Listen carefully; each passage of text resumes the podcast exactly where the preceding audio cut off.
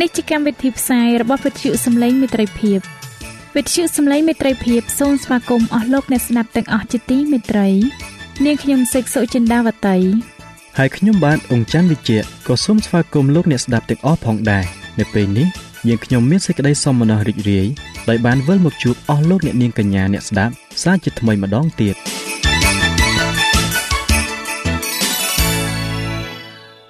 ចា៎លោកអ្នកស្ដាប់ជាទីមេត្រី នាងខ្ញុំសូមគោរពអញ្ជើញអស់លោកលោកស្រី អ្នកនាងកញ្ញាតាមដានស្ដាប់កម្មវិធីផ្សាយរបស់វិទ្យុយើងខ្ញុំដូចតទៅ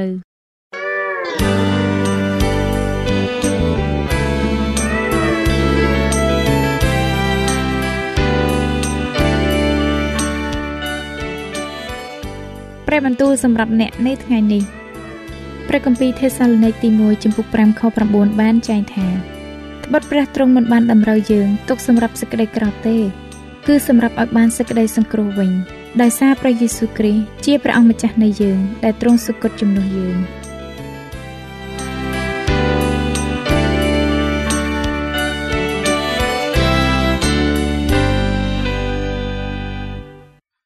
បាទជំរាបសួរដល់អស់លោកអ្នកទាំងអស់គ្នាជាទីមេត្រី ស្វាគមន៍មកកាន់មេរៀនសបាស្គូលប្រចាំសប្តាហ៍ ដែលមេរៀនសម្រាប់សប្តាហ៍នេះមានចំណងជើងថា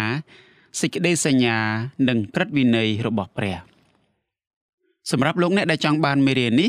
ប្រើនៅលើទូរស័ព្ទដៃ Android របស់លោកអ្នកលោកអ្នកអាចទាញយកបានតាមរយៈ Play Store ដោយវាយពាក្យថាខ្មែរសបាស្គូល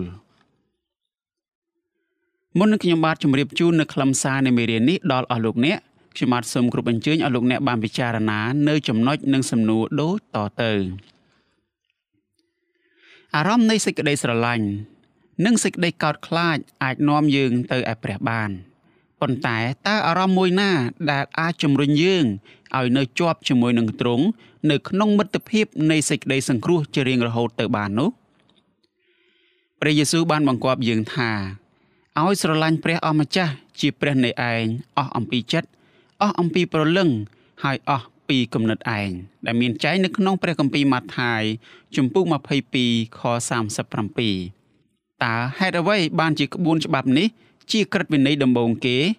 និងជាក្រឹតវិន័យដ៏សំខាន់បំផុតផងដែរនោះសប្តាហ៍នេះមេរៀនរបស់យើង គឺស្ដីអំពីក្រឹតវិន័យរបស់ព្រះ យើងនឹងសិក្សាអំពីសារៈសំខាន់នៃក្រឹតវិន័យនៅក្នុងសេចក្តីសញ្ញានៅឯភ្នំស៊ីណាយ អស់លោកអ្នកជាទីមេត្រីព្រះគម្ពីរទំនុកដំកើងចំពុក23គឺជាកំណាព្យដ៏ពិរោះស្ដីអំពីព្រះអង្គសង្គ្រោះរបស់យើងព្រះអង្គសង្គ្រោះរបស់យើងបានដឹកនាំយើងដូចជាអ្នកគង្វាលជៀមដែលដឹកនាំជៀមរបស់ខ្លួនផងដែរខ3នៅក្នុងជំពូកនេះ គឺជាខ1ក្នុងខសំខាន់សំខាន់បំផុតក្នុងបទគម្ពីរទំនុកដំកើងជំពូក23នៅក្នុងខនេះ ស្ដេចដាវីតបានបង្ហាញយើងអំពីទីកន្លែងដែលព្រះអង្គទ្រង់ចង់នាំយើងទៅដែលនៅក្នុងព្រះគម្ពីរទំនុកដំកើងចំពុក23ខ3បានចែងថាទ្រង់កែប្រលឹងខ្ញុំឡើងវិញទ្រង់នាំខ្ញុំទៅតាមផ្លូវសុចរិតដោយយល់ដល់ព្រះនាមទ្រង់អស់លោកអ្នកជាទីមេត្រីព្រះទ្រង់ល្អឥតខ្ចោះទ្រង់មិនមានបាបឡើយដូច្នេះទ្រង់មិនដឹកនាំយើងទៅតាមផ្លូវទុច្ចរិតនោះទេ ព្រះនឹងបង្ហាញផ្លូវដ៏មានសុវត្ថិភាពដល់យើង ដើម្បីធ្វើដំណើរដោយការដើរខាងឯវិញ្ញាណក្នុងជីវិត អ្នកសរសេរព្រះគម្ពីរទំនុកដំកើងផ្សេងទៀតបានឆ្លើយនឹងសំណួរនេះតាមរយៈការអធិដ្ឋាននៅក្នុងទំនុកដំកើងចំពុក119ខ35ថាសូមបណ្ដាល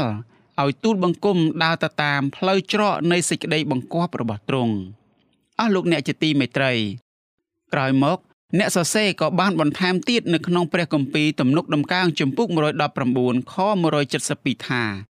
ក្រឹតវិន័យដែលចេញពីព្រះអស់ទ្រង់នោះវិសេសក្រឹតវិន័យគឺជាផ្លូវដ៏មានសុវត្ថិភាពសម្រាប់ឲ្យយើងដើរនៅក្នុងជីវិតអស់លោកអ្នកជាទីមេត្រីរឿងរបស់សាសយូដា តាំងពីយូរលង់ណាស់មកហើយ បាននិទានប្រាប់យើងអំពីដំណើរដើមតង ដែលព្រះបានបង្កើតសេចក្តីសញ្ញាជាមួយនឹងសាសអ៊ីស្រាអែលរឿងនេះបាននិទានថាព្រះបានប្រទានសេចក្តីសញ្ញារបស់ទ្រង់ដល់ពួកសាសដតីជាមុនសិនប៉ុន្តែពួកសាសទាំងនោះ បានបដិសេធការប្រទានរបស់ព្រះដូច្នេះព្រះបានប្រទានសេចក្តីសញ្ញារបស់ទ្រង់ជាមួយនឹងសាសអ៊ីស្រាអែលវិញ ព្រះគម្ពីរមិនបានបង្ហាញប្រាប់យើងអំពីភ័ស្តុតាងណាមួយ សម្រាប់ការគ្រប់គ្រងនៅគោលគំនិតនេះឡើយប៉ុន្តែរឿងនេះជួយយើងឲ្យយល់អំពីសារៈសំខាន់នៃសេចក្តីពិតតាក់ទងនឹងជំរឿសដែលព្រះបានធ្វើព្រះបានជ្រើសរើសសាសអ៊ីស្រាអែលមិនមែនដោយសារតែសាសអ៊ីស្រាអែលបានធ្វើអ្វីមួយឲ្យគប់ដល់ព្រះតីរបស់ទ្រង់នោះទេ សាសអ៊ីស្រាអែលមិនមែនបានធ្វើឲ្យពួកគេស័កសមនឹងធ្វើជារាជរបស់ព្រះនោះឡើយជនជាតិអ៊ីស្រាអែលមានគ្នាតិចហើយពួកគេក៏ជាទាសករទៀតនៅពេលដែលព្រះបានជ្រើសរើសពួកគេនោះពួកគេមិនមែនជាប្រទេសដែលមានអំណាចនោះឡើយម្យ៉ាងទៀតសាសនាសិល្បៈនិងវប្បធម៌របស់ពួកគេក៏មិនមានអ្វីសំខាន់ដល់សាសដតីដែលរស់នៅសម័យនោះដែរដូច្នេះ ព្រះបានជ្រើសរើសសាសអ៊ីស្រាអែលដោយសារតែទ្រង់ស្រឡាញ់ពួកគេ និងចង់បង្ហាញដល់ពួកគេអំពីសេចក្តីស្រឡាញ់ដ៏ធំធេងរបស់ទ្រង់ដល់ពួកគេតែប៉ុណ្ណោះយើងត្រូវតែមានការប្រុងប្រយ័ត្ននៅពេលដែលយើងសិក្សាគោលគំនិតនៃជំរឿសរបស់ព្រះនេះប្រសិនបើយើងគ្មានការប្រុងប្រយ័ត្នទេ យើងនឹងអាចយល់ច្រឡំអំពីសារៈសំខាន់នៃសេចក្តីពិតរបស់ព្រះគម្ពីរស្ដីអំពីព្រះអង្គផ្ទាល់ ដូច្នេះយើងត្រូវតែសួរខ្លួនឯងនៅសំណួរដ៏ត្រឹមត្រូវដើម្បីជួយយើងឲ្យយល់អំពីជំរឿសដែលព្រះទ្រង់បានធ្វើតើព្រះជ្រើសរើសសាសអ៊ីស្រាអែលដើម្បីអ្វីទៅតើព្រះជ្រើសរើសសាសអ៊ីស្រាអែលដោយសារតែទ្រង់ចង់សង្គ្រោះសាសនេះតែមួយគត់នៅលើផែនដីឬយ៉ាងណាឬមួយព្រះបានជ្រើសរើសសាសអ៊ីស្រាអែលដើម្បីជួយទ្រង់ ក្នុងការចែកចាយដំណឹងល្អនៃសេចក្តីមេត្តាករុណាដល់អ្នកដទៃនៅលើផែនដីនេះទាំងមូលសូមអ្នកយកចិត្តទុកដាក់ចំពោះខមួយចំនួន ដែលនឹងជម្រាបជូនជាបន្តបន្ទាប់នៅពេលបន្តិចទៀតនេះព្រះគម្ពីរនិខមណាំងជំពូក19ខ16បានចែងថាលុះដល់ព្រឹកឡើងថ្ងៃទី3នោះក៏មានលឺសូរផ្គរមានភ្លេចបន្ទោនិងពពកយ៉ាងក្រាស់នៅលើភ្នំ ព្រមទាំងលឺសូរផ្លុំត្រែយ៉ាងខ្លាំងក្រៃលែងរួចបណ្ដាជនទាំងឡាយដែលនៅក្នុងទីដំឡើងត្រសាលក៏ញ័ររន្ធត់ទាំងអស់គ្នារីឯព្រះគម្ពីរអេសាយជំពូក56ខ7ក៏បានចែងដែរថានោះអញនឹងនាំគេមកឯភ្នំបរិសុទ្ធរបស់អញហើយឲ្យគេបានអសប្បាយនៅក្នុងដំណាក់របស់អញដែលសម្រាប់ជាទីអធិដ្ឋាន អញនឹងទទួលអស់ទាំងដងវាយដុតនិងយ៉ាញ់បូជារបស់គេ នៅលើអាសនាត្បិតដំណាក់អញនឹងបានហៅជាទីអធិដ្ឋានសម្រាប់គ្រប់ទាំងសាស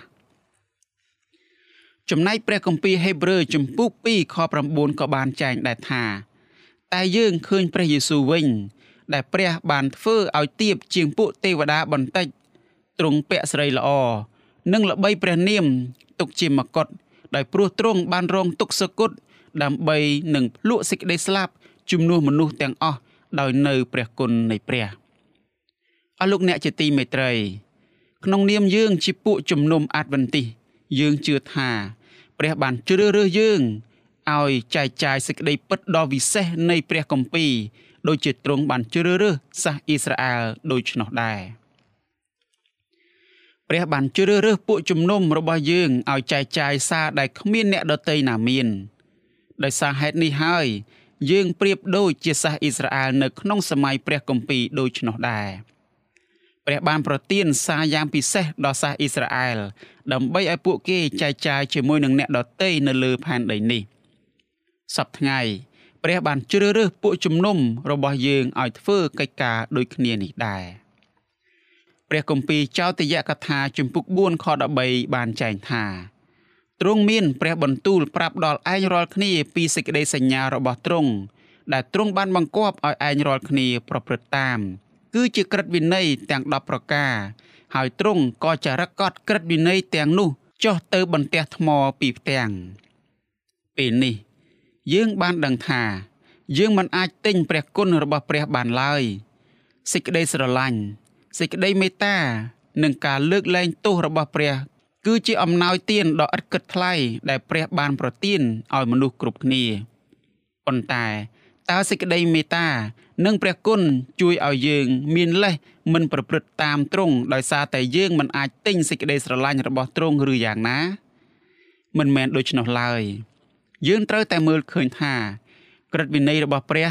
និងសេចក្តីមេត្តាដែលព្រះបានប្រទានដល់យើងនៅក្នុងសេចក្តីសញ្ញារបស់ទ្រង់នៅជាមួយនឹងយើង សេចក្តីទាំងពីរនេះមិនអាចញែកចេញពីគ្នាបានឡើយរឿងដែលយើងបានដឹងអំពីសេចក្តីសញ្ញានៃព្រះគម្ពីរបង្ហាញយើងថាក្រឹតវិន័យរបស់ព្រះ គឺជាផ្នែកដ៏សំខាន់បំផុតនៃសេចក្តីសញ្ញា យើងក៏ដឹងដែរថាសេចក្តីសញ្ញានៃព្រះគម្ពីរគឺជាមិត្តភាពរវាងព្រះនិងរាជរបស់ទ្រង់ភាពជាដៃគូមានទំនាក់ទំនងជិតស្និទ្ធរវាងមនុស្សដែលធ្វើកិច្ចការរួមគ្នា ហើយភាពជាដៃគូល្អត្រូវការច្បាប់តើអាពាហ៍ពិពាហ៍មិត្តភាពឬអាជីវកម្មដៃគូអាចបន្តបានទៀតទេប្រសិនបើគ្មានអ្នកគោរពច្បាប់នោះសូមគិតអំពីរឿងទាំងឡាយដែលនឹងខុសប្រក្រតីដូចជា ប្តីនឹងសម្រេចចិត្តមានស្រីថ្មី មិត្តភ័ក្តិសម្រេចចិត្តជួយខ្លួនឯងដោយពឹងផ្អែកលើប្រាក់នៅក្នុងហោប៉ៅនៃមិត្តភ័ក្តិរបស់គេដៃគូអាជីវកម្មម្នាក់ នឹងហៅអ្នកថ្មីម្នាក់ទៀតឲ្យចូលហ៊ុននៅក្នុងអាជីវកម្មរបស់គាត់ដោយមិនប្រាប់ដៃគូរបស់ខ្លួនជាមុនឡើយជំរឿទាំងអស់នេះនឹងបំផ្លាញសារៈសំខាន់នៃច្បាប់ឬហៅថាវិន័យតើអ្នកគិតយ៉ាងណាអាពាហ៍ពិពាហ៍មិត្តភាពនិងអាជីវកម្មបែបនេះនឹងអាចបន្តជោគជ័យយូរបានប៉ុណ្ណា ប្រកាសណាស់មិនបានយូរអង្វែងទេ នោះ គឺជាហេតុផលដែលនាំឲ្យអាពាហ៍ពិពាហ៍មិត្តភាពនិងអាជីវកម្មដៃគូរបស់យើងចាំបាច់ត្រូវការច្បាប់ វិន័យនិងដែនកំណត់យ៉ាងជាក់លាក់ពេលដែលយើងមានរបស់ទាំងពីរនេះយើងនឹងមានអាពាហ៍ពិពាហ៍មិត្តភាពនិងអាជីវកម្មដែលប្រកបដោយសុខដុមរមនានិងសុវត្ថិភាពក្បួនច្បាប់មានសារៈសំខាន់ចំពោះភាពជាដៃគូរបស់យើងជាមួយនឹងអ្នកដទៃជាទីបំផុត នោះគឺជាមូលហេតុ ដែលព្រះគម្ពីរបង្ហាញយើងថាក្រឹតវិន័យឬសេចក្តីសញ្ញា តែងមានអត្ថន័យតែមួយដូចគ្នា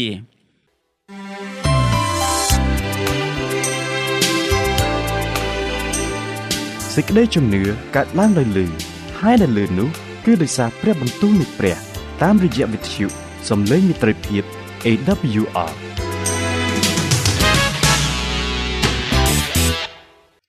អស់លោកអ្នកជាទីមេត្រី ជាដំបូងតើលោកអ្នកយល់យ៉ាងដូចម្ដេចនៅពេលដែលលោកអ្នកគិតអំពីច្បាប់តើវាសំដៅទៅតែមន្ត្រីប៉ូលីសតុលាការឬនឹងពន្ធនាគារឬមួយលោកអ្នកគិតអំពីក្បួនច្បាប់ ដែនកំណត់ របស់ឪពុកម្ដាយដែលតឹងរឹងនិងការដាក់ទណ្ឌកម្មឬឬមួយលោកអ្នកគិតអំពីសវត្ថភាព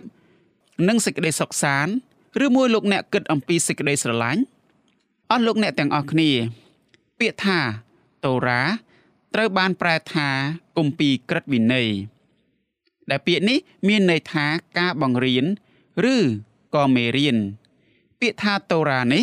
អាចសំដៅទៅលើគ្រប់ទាំងការបង្រៀនរបស់ព្រះសេចក្តីបង្រៀនទាំងនេះរួមមានក្រឹតវិន័យ10ប្រការ ច្បាប់សិលធម៌ច្បាប់សាសនា ការដឹងខុសត្រូវនិងក្បួនច្បាប់អំពីរបៀបដែលយើង គួរចោះចូលជាមួយនឹងអ្នកដទៃ ហើយពាក្យតូរ៉ានេះទៀតសោតក៏អាចសំដៅទៅលើគ្រប់ទាំងដំបូន្មាន ដែលព្រះបានប្រទានដល់រាជរបស់ទ្រង់ដំបូន្មានទាំងនេះអាចជួយឲ្យយើងរស់នៅក្នុងជីវិតខាងវិញ្ញាណកាន់តែប្រសើរឡើង និងមានសុខភាពល្អគម្ពីរក្រឹតវិន័យគឺជាការបង្រៀនដែលលោកម៉ូសេបានសរសេរនៅក្នុងកានគម្ពីរទាំង5ដំបូងនៃព្រះគម្ពីរសញ្ញាចាស់ ការបង្រៀនទាំងនេះបានคล้ายទៅជាផ្នែកមួយនៃសេចក្តីសញ្ញា ដែលព្រះបានបង្កើតជាមួយនឹងរាជអ៊ីស្រាអែលខណៈពេលដែលយើងសិក្សានៅកិច្ចការទាំងអស់នេះយើងបានឃើញថាព្រះបានប្រទានក្រឹតវិន័យដល់រាជរបស់ទ្រង់សម្រាប់គ្រប់ទាំងផ្នែកនៃជីវិតរបស់ពួកគេក្រឹតវិន័យបានបង្ហាញដល់ជនជាតិអ៊ីស្រាអែលអំពីរបៀបដាំដំណាំគ្រប់គ្រងរដ្ឋាភិបាលរបស់ពួកគេចោះចូលជាមួយនឹងគ្នា និងថ្វាយបង្គំដល់ព្រះជាដើម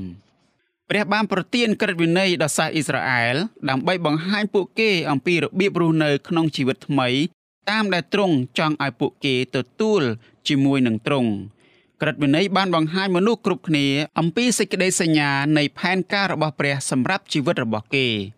គេនឹងបានយល់អំពីព្រះកាន់តែពេញលេញឡើងខណៈពេលដែលពួកគេប្រព្រឹត្តតាមក្រឹតវិន័យទ្រង់ ក្រឹតវិន័យក៏បានបង្ហាញសាសអ៊ីស្រាអែលថាពួកគេមិនអាចធ្វើតាមរបៀបរស់នៅនៃសាសដតីនៅជុំវិញរបស់ពួកគេបានទេ សាសអ៊ីស្រាអែលគឺជារាជដ៏បរិសុទ្ធរបស់ព្រះ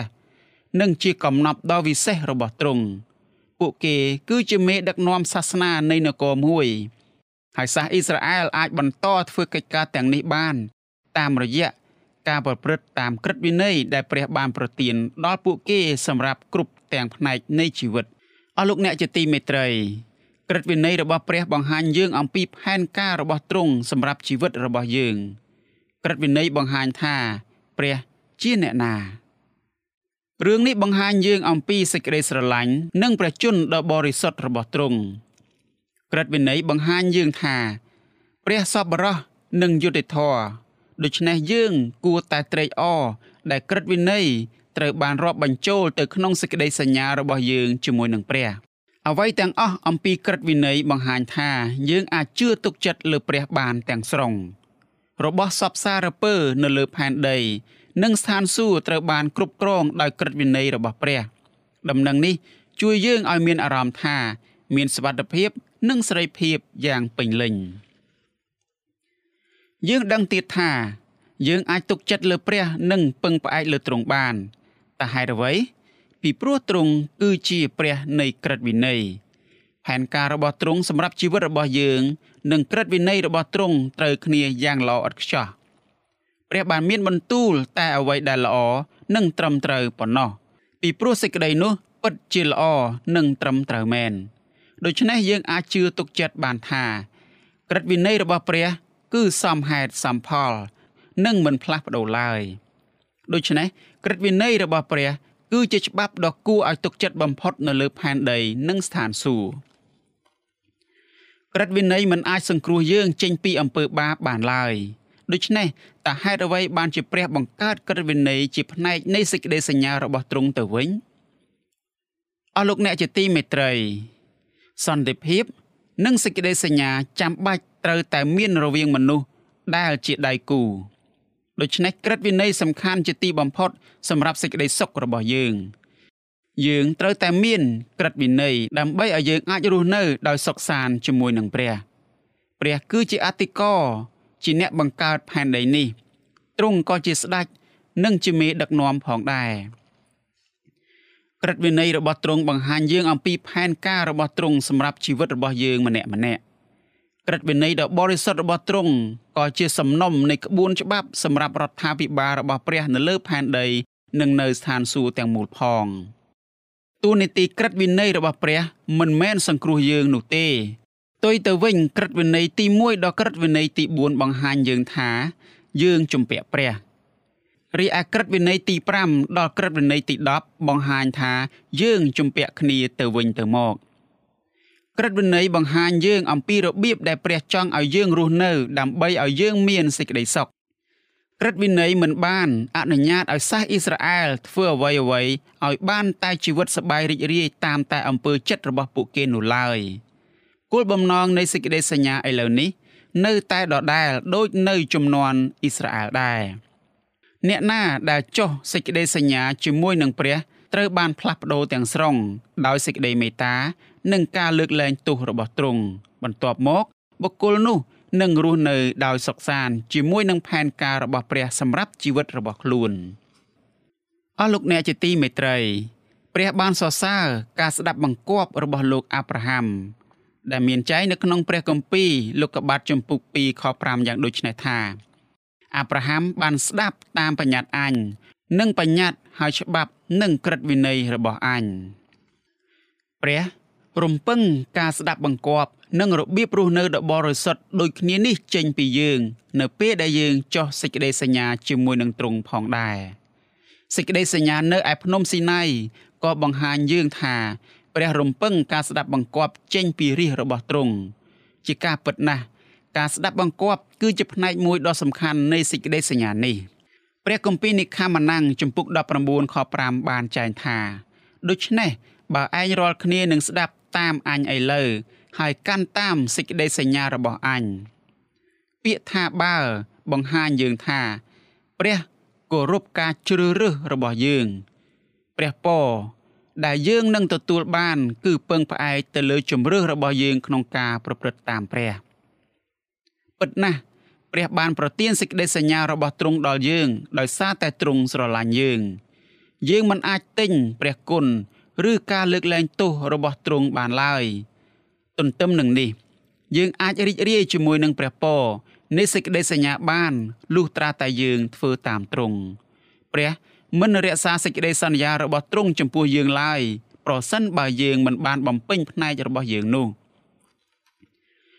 យើងមានសេរីភាពក្នុងការទទួលយក ឬមិនទទួលយក សេចក្តីសញ្ញាដូចជាសាសយូដាក្រោយមកបានជ្រើសរើសបដិសេធសេចក្តីសញ្ញាដូច្នោះដែរសេចក្តីសញ្ញារបស់យើងជាមួយនឹងព្រះក៏ដំណើរការដូចគ្នានឹងផែនការរបស់ទ្រង់ក្នុងការសង្គ្រោះយើងចេញពីអំពើបាបព្រះមិនបានបង្ខំមនុស្សលោកឲ្យទទួលយកសេចក្តីសង្គ្រោះនោះទេព្រះក៏មិនបានដកសេរីភាពក្នុងការជ្រើសរើសរបស់យើងនោះដែរទន្ទឹមនឹងនេះ ព្រះក៏មិនបានបង្ខំឲ្យអ្នកណាម្នាក់ទទួលយកសេចក្តីសញ្ញារបស់ទ្រង់ផងដែរព្រះប្រទានសេចក្តីសញ្ញារបស់ទ្រង់ដល់មនុស្សទាំងអស់ដោយឥតគិតថ្លៃព្រះបានត្រាស់ហៅមនុស្សគ្រប់គ្នាឲ្យទទួលយកសេចក្តីសញ្ញា កាលណាយើងទទួលយកសេចក្តីសញ្ញានោះហើយយើងត្រូវតែដើរតាមព្រះយើងមិនបានធ្វើតាមព្រះដើម្បីឲ្យយើងបានព្រះពររបស់ទ្រង់នោះទេ យើងធ្វើតាមព្រះដើម្បីបង្ហាញថា យើងទទួលយកព្រះពរ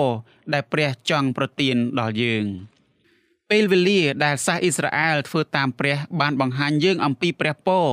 ដែលយើងអាចទទួលបានផងដែរប្រសិនបើយើងធ្វើតាមទ្រង់ការប្រព្រឹត្តតាមមិនអាចធ្វើឲ្យយើងបានទទួលព្រះពរដែលព្រះបានសន្យានោះទេ ការធ្វើតាមរបស់យើង ធ្វើឲ្យព្រះអាចប្រទានព្រះពរដែលទ្រង់បានសន្យាដល់យើង អស់លោកអ្នកជាទីមេត្រី មានតែអំណាចនៃព្រះយេស៊ូវនិងព្រះគុណរបស់ទ្រង់តែមួយគត់ដែលអាចធ្វើឲ្យយើងមានកម្លាំងគ្រប់គ្រាន់ក្នុងការប្រព្រឹត្តតាមក្រឹតវិន័យរបស់ព្រះ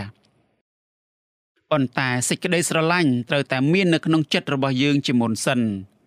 យើងមិនអាចប្រព្រឹត្តតាមដោយគ្មានសេចក្តីស្រឡាញ់នោះបានឡើយមិនអាចជាដាច់ខាត ការប្រព្រឹត្តតាមដោយមិនមានសេចក្តីស្រឡាញ់គ្មានតម្លៃតលតែសោះ ប៉ុន្តែកាលណាសេចក្តីស្រឡាញ់មាននៅក្នុងចិត្តរបស់យើង នោះយើងនឹងអាចរស់នៅក្នុងសេចក្តីសុខសាន្តជាមួយនឹងផែនការរបស់ព្រះ សម្រាប់ជីវិតរបស់យើងរៀងរៀងខ្លួនតាមរយៈសិភៅកិច្ចការនៃពួកសាវកអ្នកស្រី Ellen G. White បានលើកឡើងថាព្រះបានបង្ហាញយើងអំពីរបៀបដែលយើងគួរតែរស់នៅទ្រង់បានប្រទានផែនការនេះដល់យើងតាមរយៈក្រឹតវិន័យដ៏បរិសុទ្ធរបស់ទ្រង់ព្រះបានប្រកាសថា ក្រឹតវិន័យនេះមិនផ្លាស់ប្ដូរឡើយក្រឹតវិន័យរបស់ទ្រង់តែងតែបង្ហាញយើងអំពីផ្លូវដ៏ត្រឹមត្រូវរហូតដល់គ្រាចុងក្រោយព្រះយេស៊ូវបានយាងមកលើកដំកើងក្រឹតវិន័យនិងបង្ហាញថាក្រឹតវិន័យមានសារៈសំខាន់សម្រាប់ជីវិតរបស់យើង។ព្រះយេស៊ូវបានបង្រៀនថា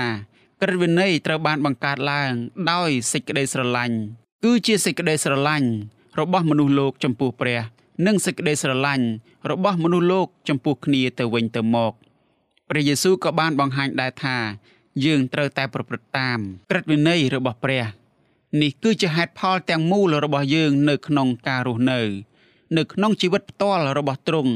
ព្រះយេស៊ូវគឺជាគំរូដ៏មានប្រជញ្ញរស់នៃការប្រព្រឹត្តតាមក្រឹតវិន័យរបស់ព្រះ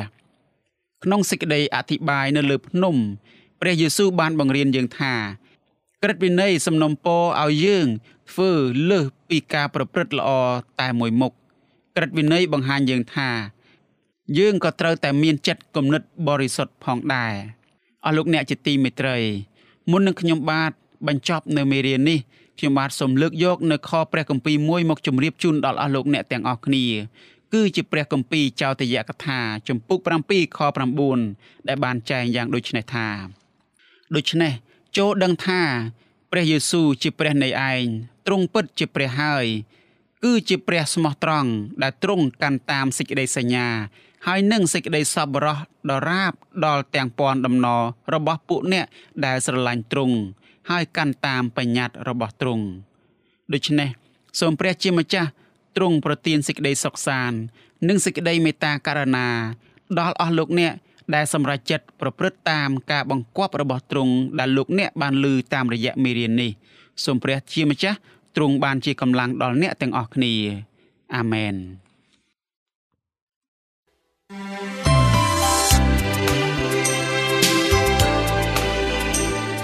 វិទ្យុសំឡេងមេត្រីភាព AWR មានផ្សាយពីរដងក្នុងមួយថ្ងៃ គឺព្រឹកនៅម៉ោង6និងពេលយប់នៅម៉ោង8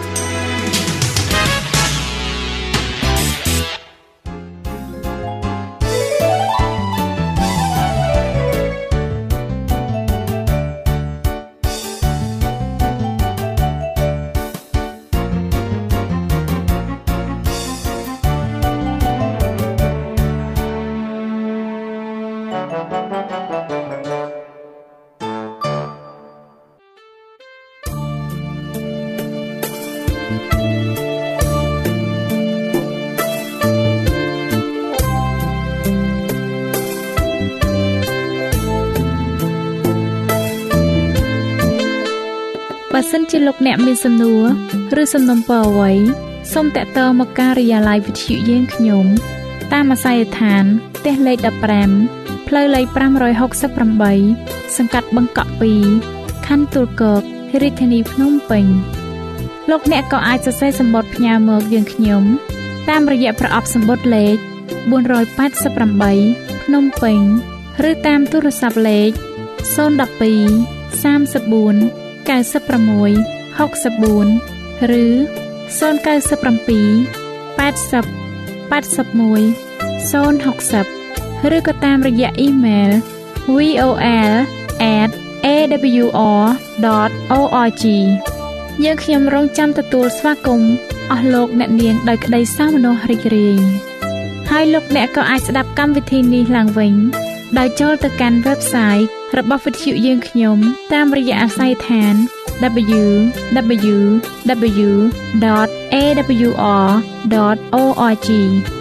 លោកអ្នកនាងកញ្ញាជាទីមេត្រី កម្មវិធីផ្សាយរបស់វិទ្យុសំឡេងមេត្រីភាពនៅពេលនេះសូមបញ្ចប់តែប៉ុណ្ណេះ